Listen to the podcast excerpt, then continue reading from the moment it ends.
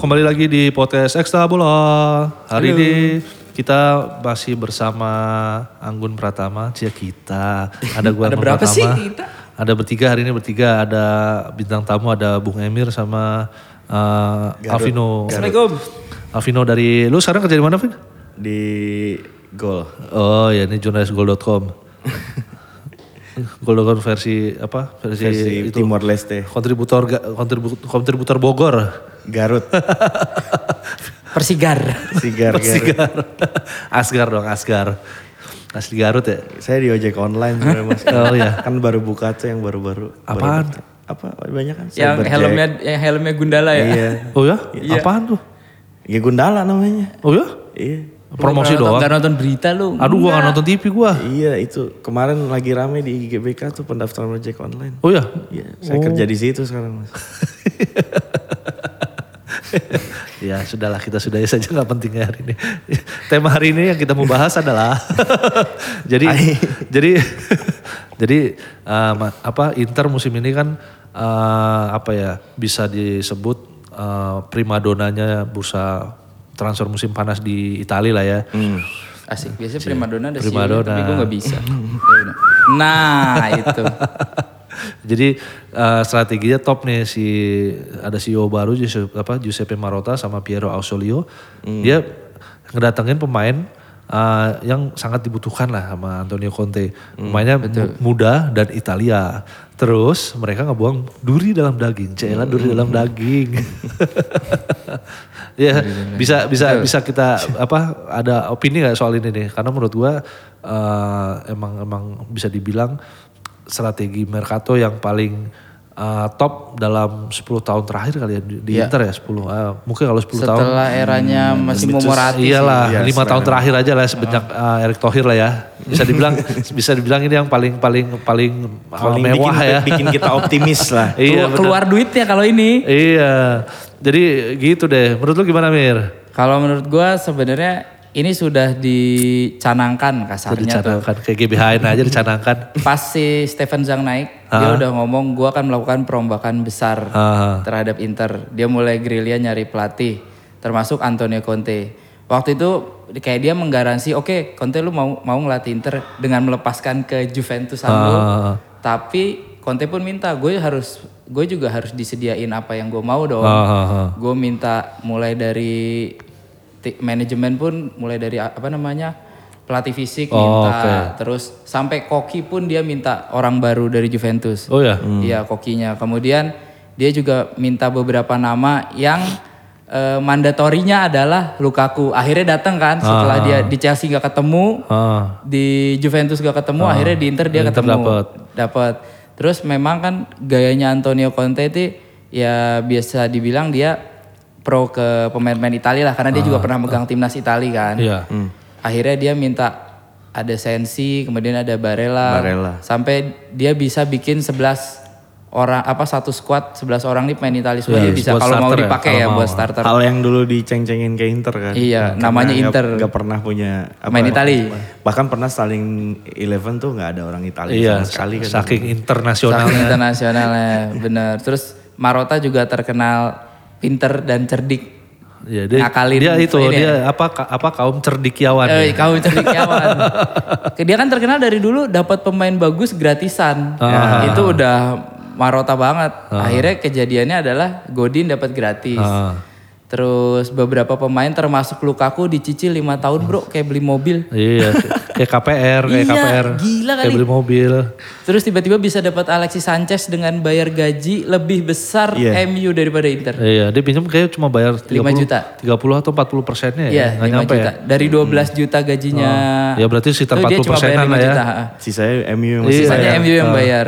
rugi bandar Iya, ini tuh kan berarti ya sehebat itu gitu sekelas Marotta walaupun sempat awalnya di di apa namanya dikritik. Ini kok Inter tiba-tiba datang segerombolan Juventus ke dalam sini gitu Ah. kan.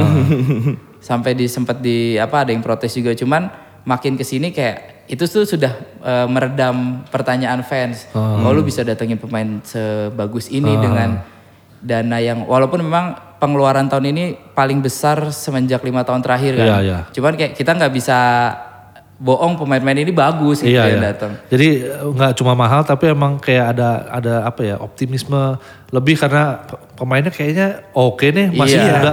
Yang betul. ya kan banyak yang masih muda kan. Sensi itu kan masih muda. Sensi Sensi masih Barella. Barella juga masih muda. Lukaku ya masih 26. 26. Lazaro juga masih Lazaro, muda. iya. Makanya ma- kayak kayak kayak dia belanja agak mahal dikit tapi investasi bisa buat 5 sampai 10 tahun ya enggak? Betul, Beberapa betul. pemain bisa sampai 10 tahun lah ya umurnya buat Ya, aktif. paling yang kayak Lazaro, Sensi, Barella, kemudian hari jadi alat barter gitu.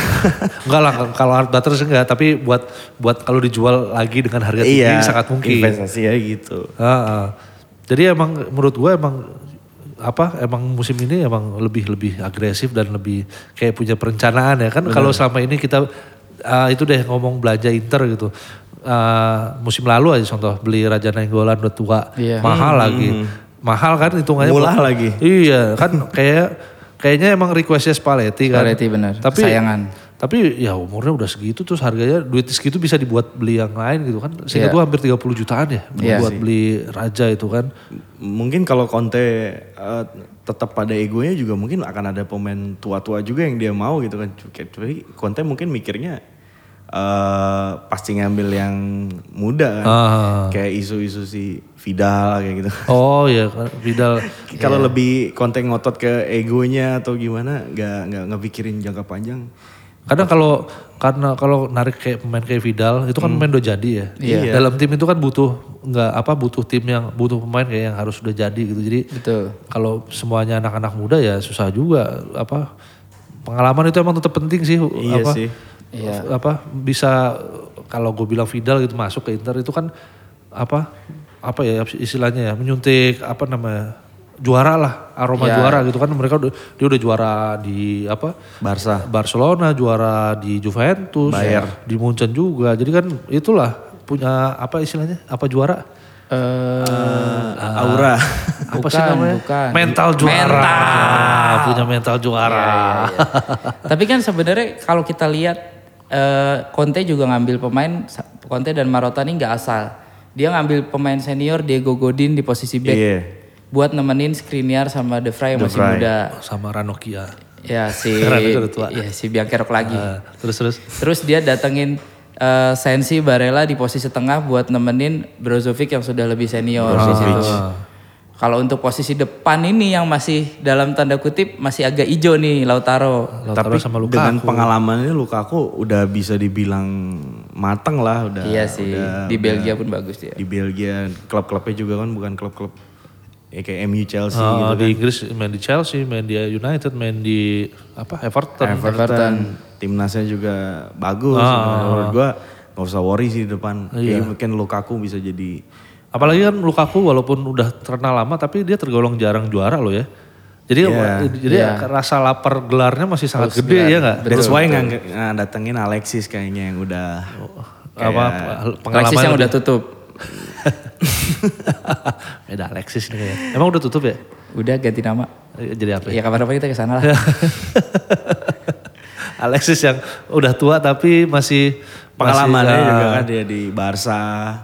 Eh, di Arsenal juga, di United juga walaupun di United di di apa namanya nggak ada yang suka lah ya. iya dan dan dia balik ke tempat di mana dia memulai segalanya kan Di Serie A, di iya. Serie A kan jadi kayaknya sih mungkin bisa antara ini aja antara mungkin Alexis balik ke habitat emang jadi jago lagi tapi kalau misalnya Alexis jelek ya memang dia udah menurun Udah aja, hilang, udah ah. hilang betul. gitu Padahal kalau dia bagus ya, Italia itu kan apa liga buat dalam tanda kutip liga buat orang tua ya. Lu ingat lu ingat itu deh Antonio Di Natale. Musim lalu juga Top skor top skornya Fabio Quagliarella Quagliarella. Quagliarella. Quagliarella. Quagliarella ya. Ah, Fabio Quagliarella itu kan udah tua.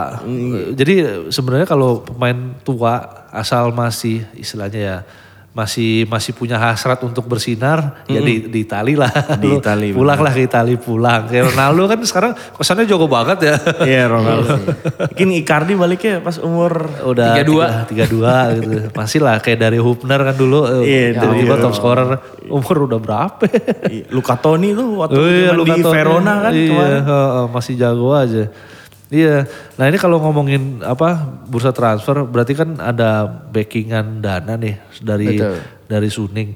Nah ini ini yang menarik. Jadi gue ada data nih. Jadi ah, dari Deloitte apa Football Money League, Inter itu semenjak eh, Suning masuk sisi komersialnya tuh meningkat jauh. Kenapa kok sisi komersial penting? Eh, jadi ada tiga nih, ada tiga komponen dalam apa ya DFML tuh Deloitte Football Money League.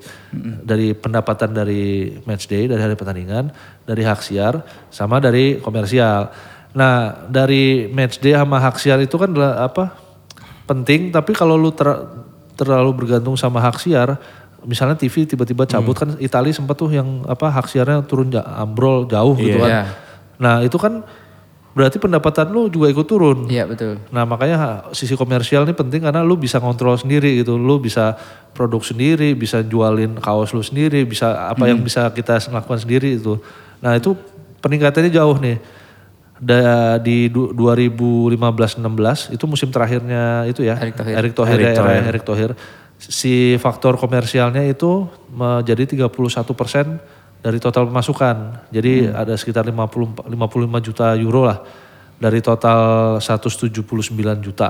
Nah, itu 31 persennya. Nah di musim pertamanya Suning di akhir 2006 kan Suning masuk 2016 nih Iya. Iya. jadi pemilik utama. Jadi bisa dihitungnya di musim 2016-17. Nah faktor komersial ya naik dari 54 juta, 55 jutaan ke 130 juta. Kan itu naik Dua kali lipat, lipat hampir, lebih ya, hampir, dua hampir, kali. hampir, hampir 300 persen, 250 persen itu kan. Iya. Benar.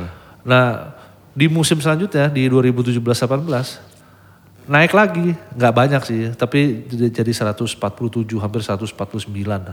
Jadi itu kan menunjukkan bahwa emang Inter di era Suning dia Duitnya tambah banyak Duitnya tambah banyak karena kalau menurut gue nih itu dia teman-teman Cinanya disuruh ayo jadi Iya. sponsor gue, ayo dong sponsor gue. Kayaknya pas makanya sama Marota kali ya. Marota sama Suning gitu kan. Heeh. Pengiritan juga gitu. Satu pengiritan, satu, duitnya banyak. Iya. Jadi Jadi jadi Padang kali ya Marotan ya.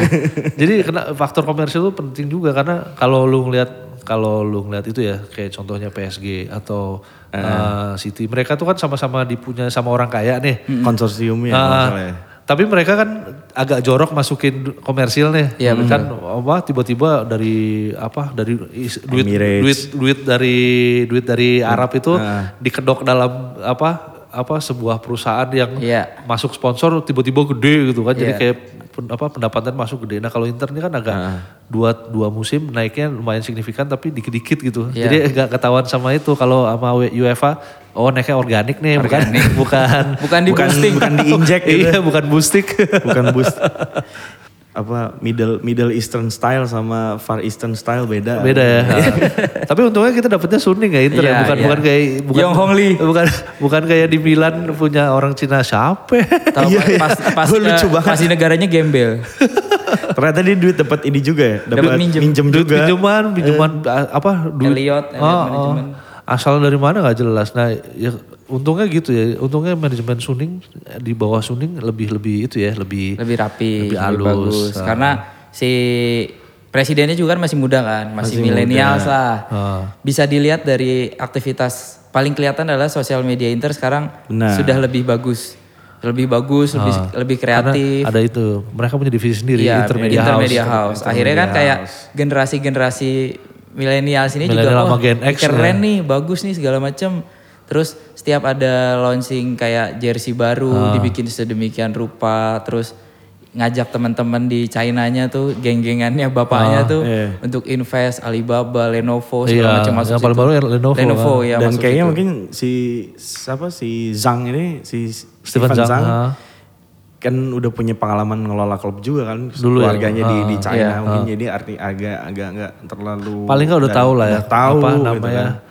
apa horizon apa atmosfer di dunia bisnis sepak bola tuh kayak sepak gimana. bola kayak gimana. Betul, betul. Kalau kata temen kita anjir, Tara yang sekarang di PSS. PSS Sleman, apa yang bisa dimonetize jadi duit? Jadiin duit. Mungkin kayaknya kayaknya Steven Zhang kenal Iya. sama Tara itu. Mak- makanya sisi komersialnya kan kenceng banget karena itu apa pun bisa dijadiin duit gitu Iya, betul. Oh, Sekecil apa pun kalau bisa jadi duit ya diduitin. Iya, dulu masuk kalau- Icardi diduitin. Iya, dulu kalau zamannya Morati kan duit duit gua. Iya, terserah gua mau buat apa, bodo iya, amat. Gue mau beli Fieri sampai gua boncos-boncos ya suka-suka gua. Iya. Akhirnya utangnya banyak. Iya. Terus akhirnya terpaksa ke Erick Thohir. Untung lah ada Erick Thohir ya ngebantuin Inter dikit. Terima kasih Bapak. Terima kasih bos, Pak Presiden. Iya, tapi kan dulu juga zaman Morati kenapa dia bisa jor-joran karena memang belum ada aturan financial fair Ah, play benar, kan. benar. Lu bebas aja Iya. selama lu punya duit, lu bisa masukin duit lu ke dalam situ semua. Iya, tapi akhirnya bisnisnya jadi bisnis sepak bola jadi nggak sustainable Iya, kan. betul. Begitu si sugar daddy-nya duitnya habis Bener. atau cabut, klub itu berantakan. Berantakan, gitu kan. Lu betul. nggak bisa survive, nggak bisa hidup dari eh, lu sebagai entitas perusahaan gitu. Iya. Karena duitnya lu injak mulu, modalnya diinjak mulu dari luar gitu. Begitu apa pemodalnya hilang, Iya. gua nggak bisa nyari duit dari mana nih gitu. Iya. Apalagi eh, Italia nggak sebegitu jadi primadona kayak Inggris. Inggris. Ah, Iya, ah, betul. ah. Kalau lu Inggris ya pemasukan kebetulan aja pem- apa pemasukan aksiarnya mau gede banget kan. Mau klub mediocre juga Iya kan. lu bayangin kalau kayak Newcastle aja ya duitnya bisa mirip-mirip sama kayak Inter yang tim, Iya. tim papan atas itu. Tim paling Championshipnya aja juga. iya gila. makanya. pemasukan hak siar rating paling bawah di Liga Inggris itu bisa setara tiga besar di, Di Liga Serie A. Spanyol sama Ah, di Serie A. Ya makanya gue bilang tadi Newcastle yang tim tim papan bawah aja duitnya bisa se- se- selevel sama Inter atau kalau sama Juventus masih agak, agak jauh ya sama Inter lah, Inter sama Milan lah. Itu kan udah apa ya menunjukkan timpangan duit hak siar itu loh, Betul, duit betul. materi promosi dan lain-lainnya. Tapi sebenarnya eh, gaya-gayanya Inter itu udah mulai diikutin sama tim-tim Liga Indonesia kalau dilihat.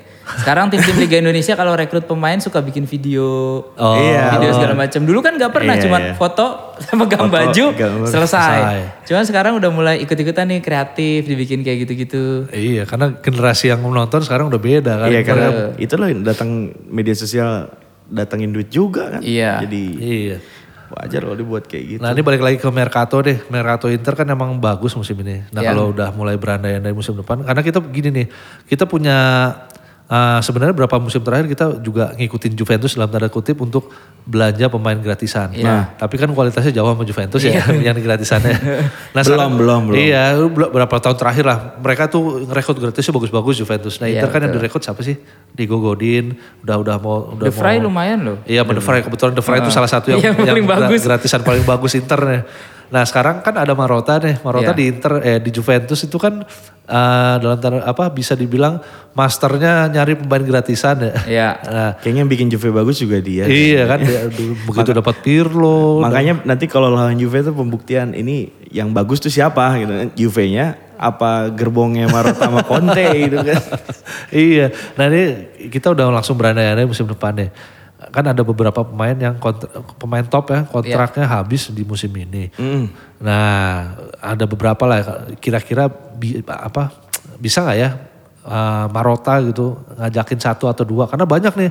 Contohnya David De Gea kontraknya habis. David Gea. Uh, uh, terus ada Stefan Savic, apa Alderweireld, backnya siapa? Backnya Spurs. Spurs. Ada Christian Eriksen, ada Nemanja Matic. Nemanja Matic, Ada Mario Götze, lu gile. Ada di ada Edison Cavani, ada Mertens. Oh kan banyak tuh. Iya. Nah, menurut lo di tim sekarang yang yang kira-kira oke lah buat di tim ini siapa ya?